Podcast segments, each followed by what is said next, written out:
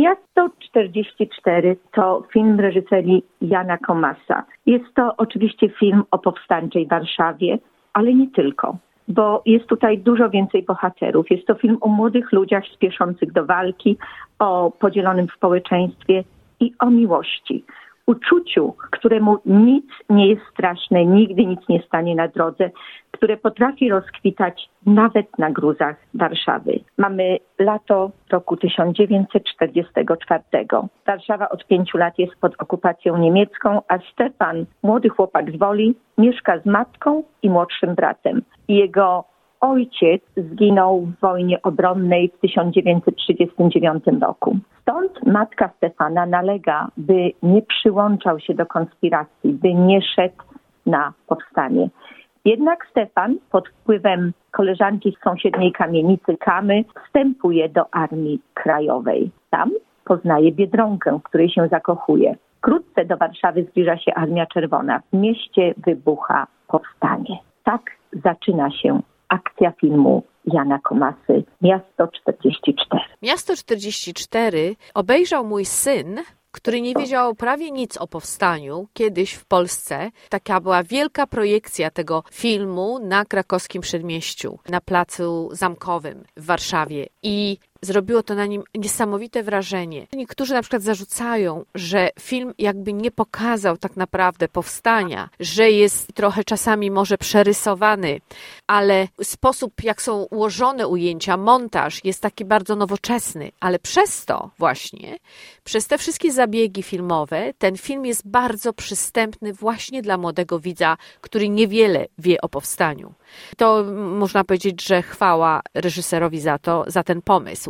Zwłaszcza tu doskonały przykład dla widza, który właściwie urodził się i wychowuje w zupełnie innym kraju niż Polska. No właśnie. To jest w ogóle niesamowite. Jeżeli chodzi o obsadę, Stefana Zawadzkiego gra Józef Pawłowski, Alicję Biedronkę, sanitariuszkę Zofia Wichłacz, Kamę Łączniczkę, w tej roli Anna Pruchniak. Z takich ciekawostek przygotowania do filmu trwały blisko 8 lat. Twórcy, pragnąc obsadzić aktorów nieznanych dotąd szerszej publiczności, zorganizowali szereg castingów odbywających się od grudnia 2012 do marca 2013 roku. 3000 statystów brało udział w tym filmie i 130 aktorów. To jest ogromne przedsięwzięcie. Na castingi zgłosiło się 7 tysięcy chętnych. Produkcja miała być w zamyśle pierwszym filmem fabularnym w całości poświęconym tematyce powstania warszawskiego od czasów kanału w reżyserii Andrzeja Wajdy. Twórcy filmu przed produkcją konsultowali jego scenariusz z weteranami powstania warszawskiego. Film był wydarzeniem, zdecydowanie wydarzeniem i w tym samym czasie Komasa też zrobił film fabularyzowany. To był pierwszy na świecie dramat wojenny non-fiction w całości z materiałów dokumentalnych, opowiadający o tytułowym wydarzeniu poprzez historię dwóch młodych reporterów.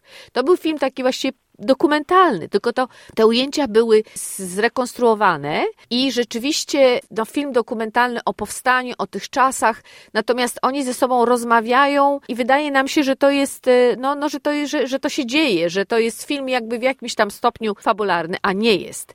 Była to kompletna rekonstrukcja materiałów audiowizualnych.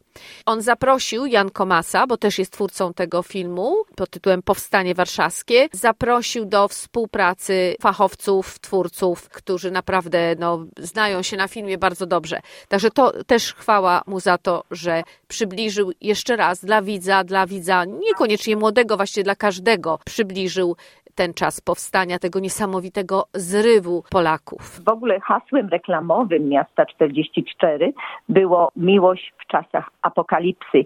I rzeczywiście w tym filmie krew leje się strumieniami na ekranie widać ludzkie szczątki, y, widać jak świstają kule, co chwilę ktoś ginie, zostaje ranny. Naprawdę, naprawdę nie oszczędzono właściwie szczegółów z najciemniejszej karty powstania warszawskiego.